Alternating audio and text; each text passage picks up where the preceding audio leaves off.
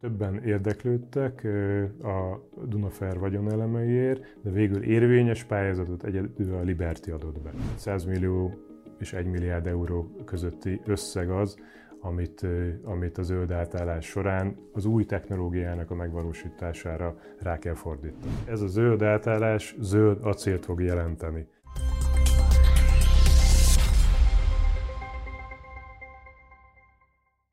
70 évvel ezelőtt azt ígérték nekünk, hogy a vas és acélországa leszünk. Most 2024-ben ez az álom elolvadni látszik, legalábbis ami Dunai városban is Ózdon látunk. A Dunafer, illetve az Ózdi acélgyártás helyzetéről beszélgetek Móger Robertel, a Magyar Vas és Acélipari Egyesülés igazgatójával. Köszönöm, hogy elfogadtad a meghívásunkat. Köszönöm a meghívást.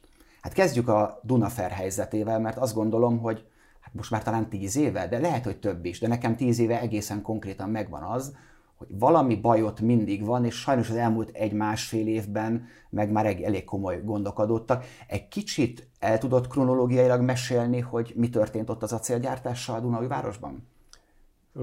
Egy orosz-ukrán hátterű befektető csoporté volt az elmúlt 15 évben a Dunafer, és egészen 2022. decemberéig működött valamilyen szinten a, korábbi Dunai Vasmű. Ez a valamilyen szinten, bocsánat, hogy beleszólok, ez mit jelent, csak hogy utána tudjuk a későbbi működést kontextusba helyezni? Milyen termeléssel, hány fővel? Lényegében 2018 volt az az utolsó békeév, amikor teljes kapacitással üzemelt a Dunafer, ezt követően pedig pénzügyi okokból kifolyólag, vagy acélpiaci, acélipari helyzetből kifolyólag nem tudott termelni teljes kapacitással a Dunafer. Egészen ez addig fokozódott, hogy két, ahogy említettem, 2022. decemberére eh, azt az utasítást eh, adta ki a korábbi menedzsment, illetve annak a vezetője, hogy le kell állítani a kokszolót. Ez lényegében az egyik sarokköve eh, az integrált acélipari gyártásnak. Kokszoló nélkül nagyon nehezen tud működni, vagy tudott működni a Dunafer. Ennek megfelelően jött egy beavatkozás, ugye nagyon-nagyon rossz pénzügyi helyzetben volt a Dunafer, lényegében csődben volt már akkor is, csak nem ismerték ezt el, és jött a felszámolási eljárás, amit, amit elindítottak 2022. december folyamán, ha jól emlékszem. Ebben a megmentésében, a Dunafer megmentésében a Liberty játszott nagyon-nagyon fontos szerepet. Ő biztosította a szenet, a kokszoló kamráknak a, a megtöltéséhez. Ennek megfelelően ő lényegében az első időpillanattól kezdve fogta a Dunafer kezét, és segítette a termelésnek a fenntartását. 2023. októberében, tehát a felszámolási folyamat elindult, és a Liberty nyerte meg, a Liberty csoport nyerte meg a Dunafernek a vagyonelemeire kiírt pályázatot.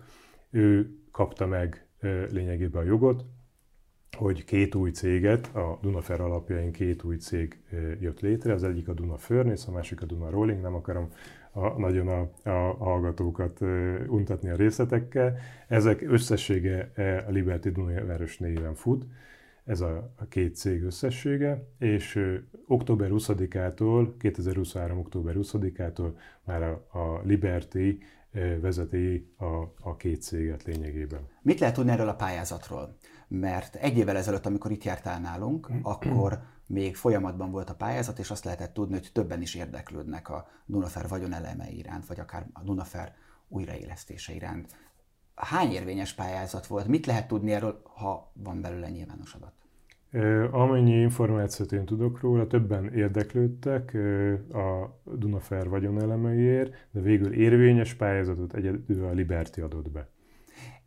Ez mit jelent? Mert nekem mezei újságírónak ez azt üzeni, ahol egy pályázó van, ott vagy valami mutyi van, vagy nagyon nem éri meg. Én itt az utóbbira gondolok, hogy, hogy van ebben pénzügyi potenciál, lehet tudni milyen szándékkal tett érvényes ajánlatot a Liberty? Tehát azért tette, hogy a Dunafer tovább éljen, erre enged következtetni azt, hogy az átmeneti időszakban segítette pénzügyileg, vagy a vagyonelemek miatt?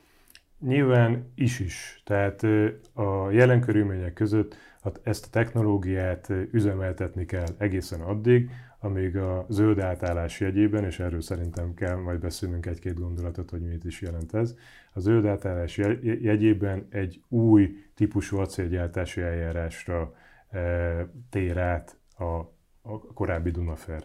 Tehát lényegében ugye ebbe az elkövetkező időszakban a zöld átállásba nagyon nagy mennyiségű pénzt kell beleinvestálni.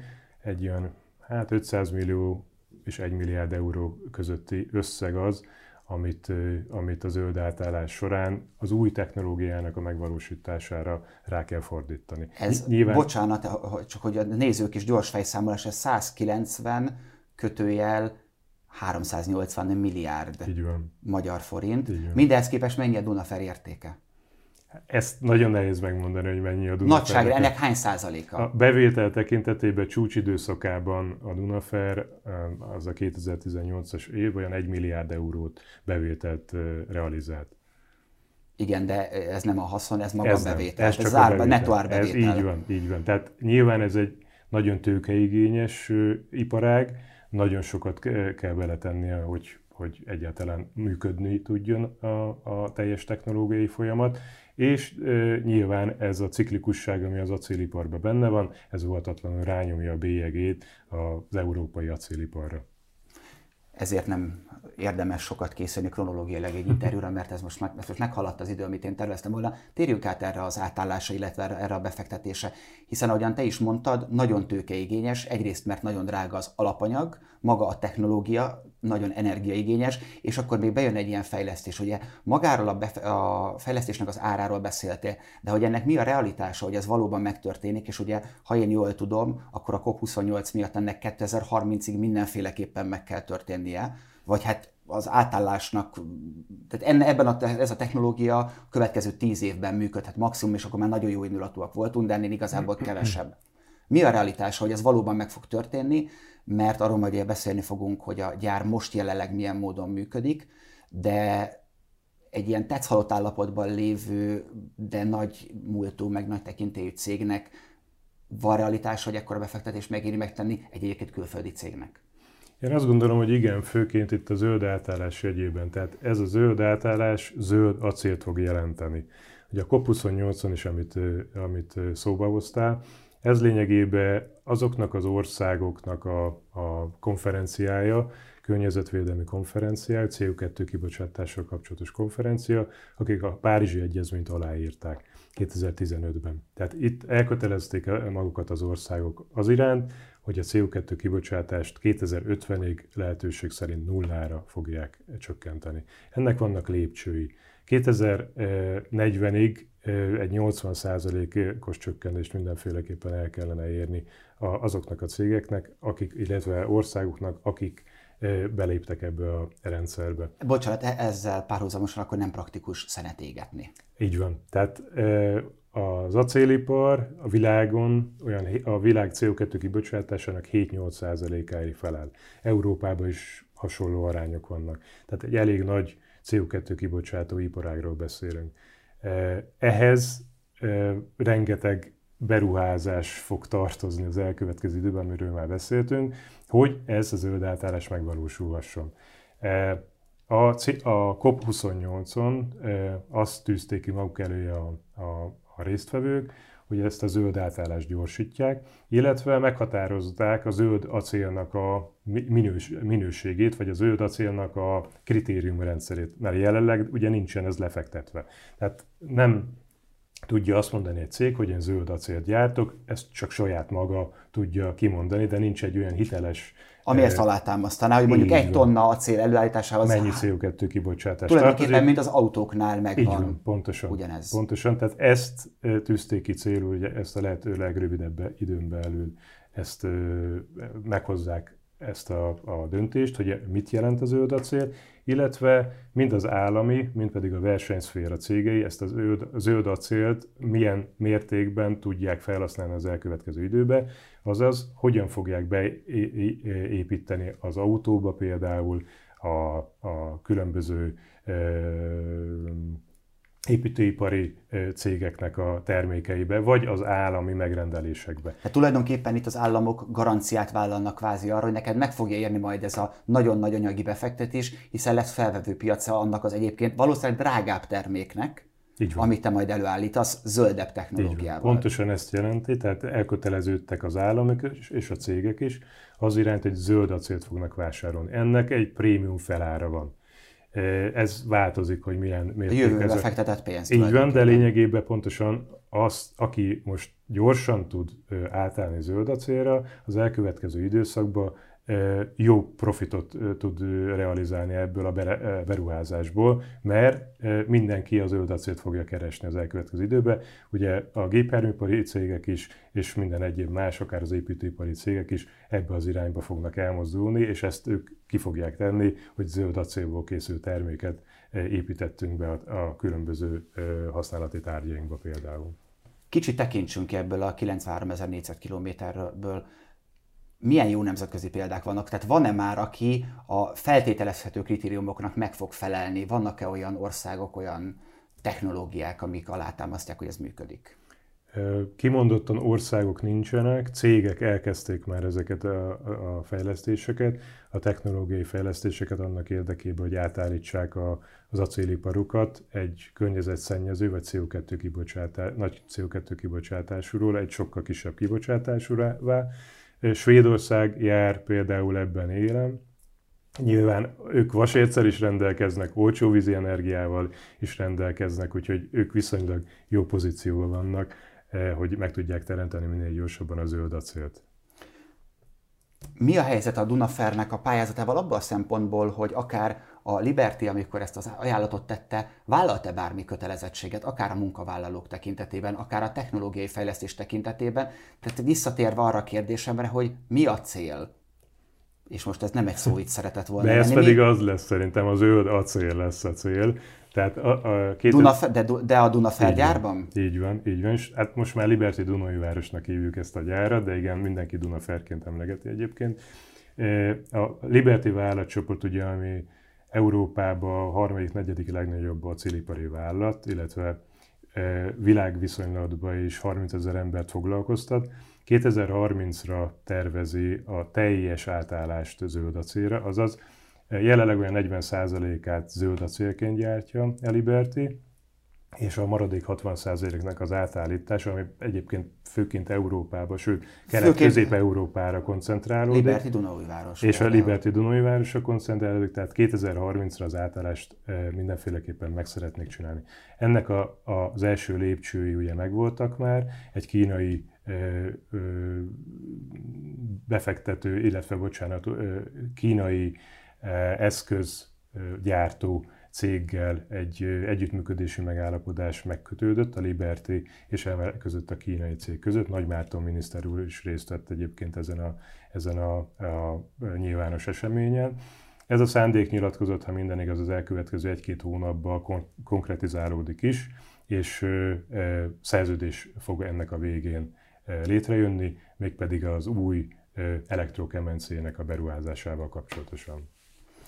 Beszéljünk egy picit a Libertéről, ennek a globális helyzetéről, mert amit te most elmondtál, az európai viszonylatot értem, globálisan is jelen vannak az acéliparban, de hogyha nekik egy 60%-os termelési arányt kell zöldíteni, az elképesztően emberi szem, vagy emberi agy számára felfoghatatlan tőke rendelkezésre áll. Ez a tőke mennyire jó most a piaci helyzet a Libertinek? Mert hogy erről is szólnak hírek, hogy mintha nem lenne meg az a tőke, ami ehhez a vállaláshoz jelenleg szükséges. Ugye, ami mindenkit, és ez nem csak a Liberty csoportot, hanem a teljes európai acélipari vállalkozási kört érinti, ez a gazdasági visszaesés, a háború, ami, ami az energiára. Az és a, ami, amit ez okozott, az energiaárak. Minden egyes Európa acélipari vállalat csökkentette, leállította a termelését. Most abba, abba a folyamatban vagyunk, hogy építik vissza, építi vissza mindenki a kapacitásait, azaz amit eddig leállított, szépen fokozatosan indítja. Nyilván ez nagy tőke erőt igényel, mögé kell tenni rengeteg pénzt azért, hogy be tudják indítani minden egyes acélipari vállalat a, a termelési szisztémát. Ugyanezt történik egy, egyébként a Liberty Dunai városnál is, Ugye egy hónappal ezelőtt a sajtóban megjelentek az információk, hogy elindult a Liberty Dunajváros, most is folyamatban van a következő kampány, ugyanis most jelenleg kampányüzemmódban történik a termelés. Azaz egyhetes kampányokkal, aztán kéthetes kampányokkal, háromhetes kampányokkal, majd négyhetes kampányokkal, tehát teljes felfutással fogja a Liberty Dunai Város végezni a tevékenységét, remélhetőleg minél gyorsabban, ahogy rendelkezésre áll az alapanyag, és ahogy rendelkezésre áll a szállítási kapacitás is félre ne érts, nem a rossz időt beszél belőlem, de hát a kampány üzemmódról azért minden, különösen az újságíróknak, de azt gondolom a teljes magyar társadalomnak van tapasztalata és elképzelése. Tehát ez mennyire reális, és mennyire szól inkább a közvéleménynek. Ez a termelés, ez valóban azt fogja eredményezni, ez persze nincs nálunk kristálygömb, nem tudjuk, valóban az a szándék, hogy azt eredményezze, hogy visszajön a kapacitás, vagy ez egy látszat termelés jelenleg? E, ugye ez egy közgazdasági, nagyon egyszerű közgazdasági kérdés, megéri vagy nem éri. Az elmúlt időszakban az árak tekintetében olyan árak és olyan piaci igények mutatkoztak, hogy nem érte meg egész egyszerűen, vagy csak nagyon alacsony kapacitásra e, érte megműködtetni a gyárat. Most látszik egyébként a piaci tendencia, növekvő árak, növekvő kereslet, ennek megfelelően megy utána a termelés is az igényeknek hogyha picit maradunk a kampányoknál, kampányidőszaknál, óhatatlanul nekem felötlik az, hogy most hány ember dolgozik a Liberty Dunajvárosnál, illetve ez milyen csökkenés, és mi lesz az ő sorsuk, van-e terv, van-e stratégia arra, hogy az ottani munkavállalókkal és az ő családjaikkal, az ő megélhetésükkel mi történik majd? Továbbra is fent szeretnénk tartani a, a teljes működési repertoárt, tehát mind a két KFT-be amit említettem neked, mind a mondjuk ugye a metallurgiai rész, tehát a magas hőmérsékleti folyamatok, valamint a, a hengerlési folyamatokban is, ugyanúgy működőképes állapotokat szeretnénk fenntartani, ehhez ugyanúgy biztosítani kell a munkavállalókat is természetesen. Az elkövetkező időszakban viszont óhatatlanul az látszik, hogy a régi metallurgiai részt tehát a kokszoló, nagyolvasztó és acélmű át fog alakulni valami mássá, ezzel a zöld acél, amiről beszéltünk, a zöld acél gyártó helyé, tehát a dolgozók átképzését is el kell kezdenünk, erre tervek vannak, a hónapban indul meg egy ilyen átképzési mechanizmus, tehát a mostani koászati részben dolgozó embereket a hengerlési részben fogjuk ö, ö, dolgoztatni, legalábbis egyelőre oktatási szinten. Tehát mindegy elméleti, mindegy gyakorlati oktatást fognak kapni a dolgozók, hogy át tudjanak menni, hogyha szükség van rájuk. Jelenthet-e, jelenthet ez a technikai átállás egy olyan helyzetet, hogy egyszerűen kevesebb, óhatatlanul kevesebb munkavállalóra lesz szükség?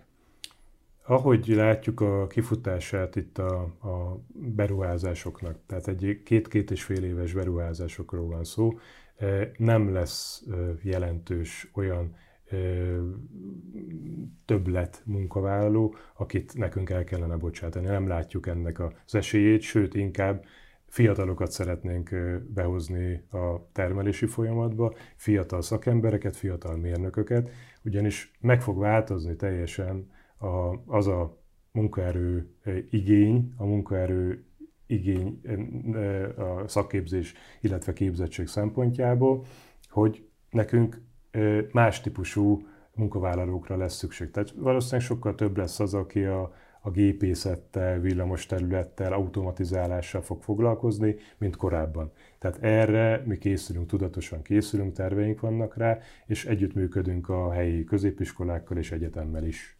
2009 óta tulajdonképpen bizonytalan volt a, a Dunai városi acélműveknek, most már Liberty Dunai városnak a helyzete. Mennyire bizonytalan ez most? Javult-e ez bármit, akár a tulajdonosváltással, akár mondjuk ezzel a technológiai váltási reménnyel?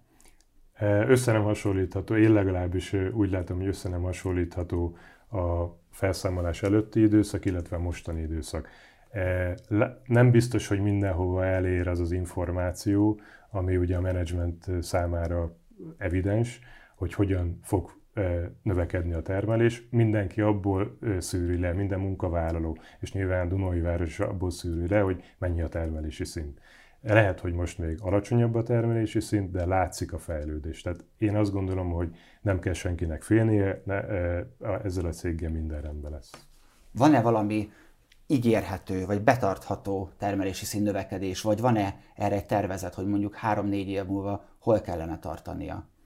Egy nagyon szép ívű terv van, de arról inkább nem szeretnék nagyon nyilatkozni. Ugye a mostani kapacitáson 1,7 millió tonna.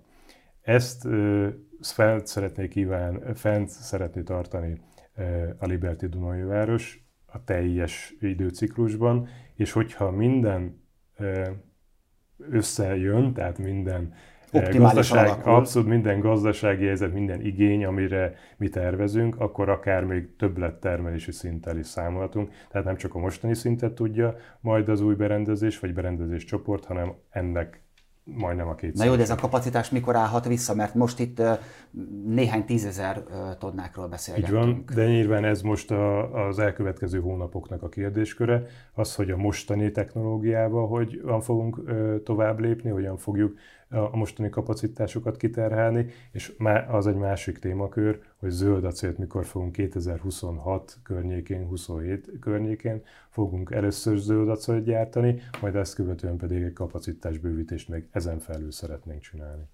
Azt gondolom, hogy egy ilyen cégnél, mint amilyen a Donafer volt, de most is ugyanúgy a, a város nevét viseli, óhatatlanul kikerülhetetlen az, hogy megkérdezem, hogy mi a helyzet az önkormányzattal, illetve mivel ez egy stratégiai ágazat, azért arról te is beszéltél korábban, de ezt tudjuk, hogy az acélipar a GDP szempontjából optimális esetben egy nagyon fontos szegmens. Milyen a kapcsolata a Liberty Dunajvárosnak, Dunajváros önkormányzatával, illetve a kormányjal? Én azt gondolom, hogy a, a kormányzat mindent megtett annak érdekébe, hogy ezeket a vagyonelemeket és az itt dolgozóknak a munkahelyét megvédje. Akár ez a, a, a bértámogatási, hat hónapos bértámogatási szisztéma, amit biztosított a kormány, ez egy óriási segítség volt, illetve akár most is, ebbe az időszakban is, amikor, amikor előre gondolkodunk, és az zöld acél irányába lépkedünk, e, ebbe is segít minden tekintetben. Tehát én azt gondolom, hogy a, a politikai környezet teljes mértékben támogatni tudja a Liberty Dunai Városnak a, a törekvéseit, és a városvezetésnek is én azt gondolom, hogy elemi érdeke az, hogy ez a Liberty Dunai Város jól működjön. Ha már az állami segítségekről beszéltünk, kicsit térjünk át Ózdra. Ózd ugye a másik olyan hely, ahol még valós acélgyártás történik Magyarországon, és ott egy rövid ideig volt állami szerepvállalás, állami tulajdon, amit, hogyha jól tudok, átkerült a Miskolci Egyetemet fenntartó alapítvány kezelésébe ez a 20%. Ott akkor elindultak fejlesztések az állami szerepvállalás irányában. Megtörténtek ezek a fejlesztések, illetve újságíró vagyok, ott van-e gond? Mindenhol, az, ahogy beszéltünk eddig, az európai acéliparban van gond. Tehát e, az ózdi acélműveknél is hasonló a helyzet, ők is a termelési szintjüket úgy igazítják, ahogy a piac kívánja.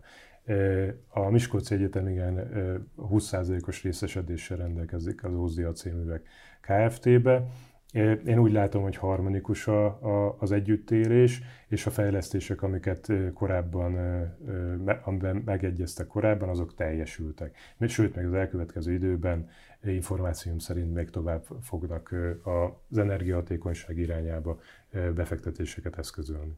Csak hogy az átlag ember, mint én is értse, hogy mi a, a legnagyobb különbség Dunaújváros és Ószt között, ami miatt Dunaújváros gyakorlatilag működésképtelenné vált, Ózdon pedig, hogyha nyilván vannak iparági nehézségek vagy gondok is, de látványtechnikailag mennek a dolgok előre. Igen.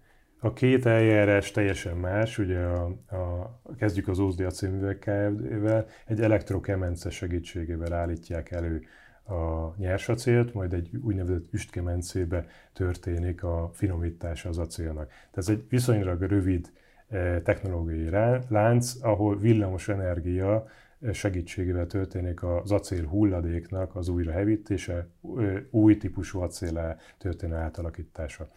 Míg a, a korábbi Dunafernél, most Liberty Dunai városnál a teljes technológiai lánc megvan.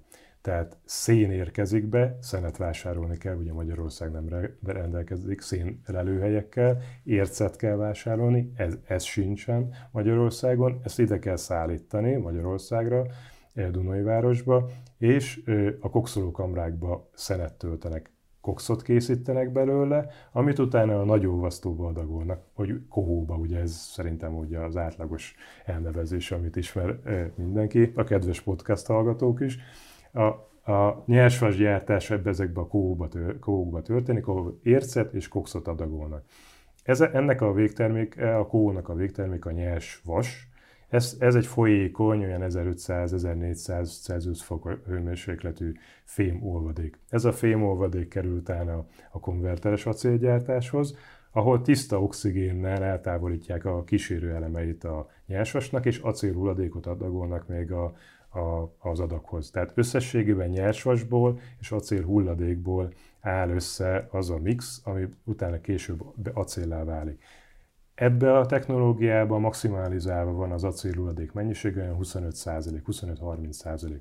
Míg az úszdi acélművek esetében alkalmazott elektrokemencénél 100%. Hiszen kizárólag abból készül. Így van. És nyilván, ahol acélhulladékot használunk fel, az egyszer már ezen az úton, a, mondjuk ugye a korábbi Dunaferes útján végigment, azaz érzből egyszer már lett acéltermék, az acélterméket, amikor a szavatosság ideje lejárt, egy autót utána kivontak a forgalomból, előkészítettek acélhulladék, acélhulladékká, ezt beadagolják a, a kemencébe, az elektrokemencébe, és újraolvasztják. Sokkal kisebb energiabefektetésre van szükség, és sokkal kisebb CO2 kibocsátással jár, mint az a folyamat, amit elmondtam, és sokkal-sokkal hosszabb ideig sikerült elmondanom ezt a folyamatot. Tehát ez az a két óriási különbözőség a technológiába, ami miatt ez az, az elektrokemence és acélgyártás lesz az elkövetkező időben a Liberty Dunai város útja. Tehát ott tulajdonképpen ugyanúgy lerövidül ez a szakasz. Lehet, hogy butaság, amit kérdezek, de muszáj megkérdezni, miután most azt gondolom, hogy meg megértettem.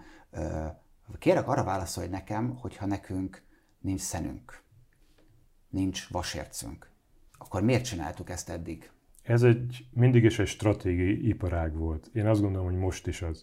Ugyanis az acél mindennek az alapja, hogyha itt csak a stúdióba körbenézünk, eh, szerintem minden, majdnem minden használati tárgyba e, találsz acélt. Ennek megfelelően egy ország acélipar nélkül én azt gondolom, hogy nem stratégiai e, fontosságú ország.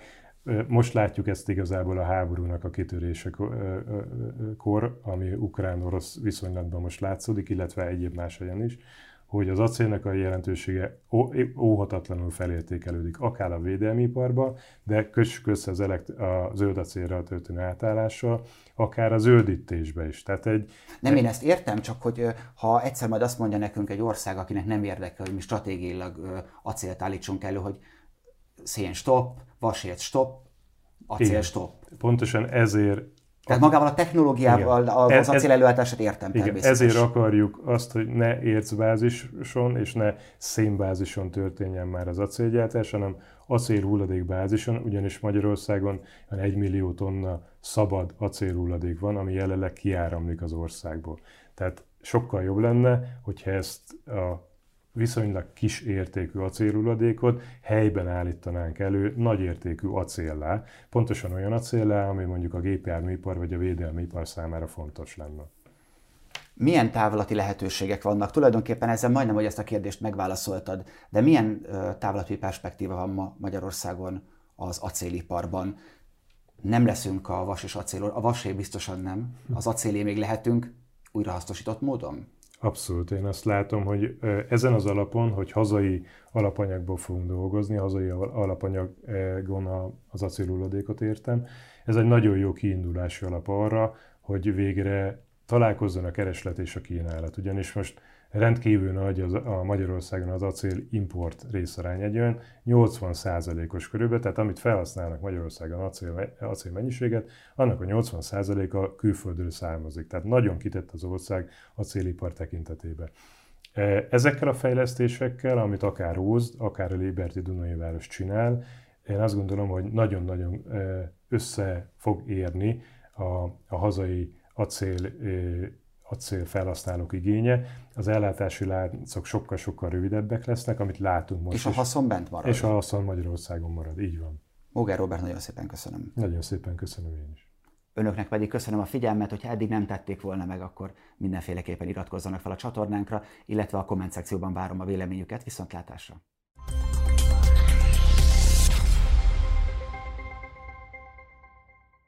A műsor a Béton partnere.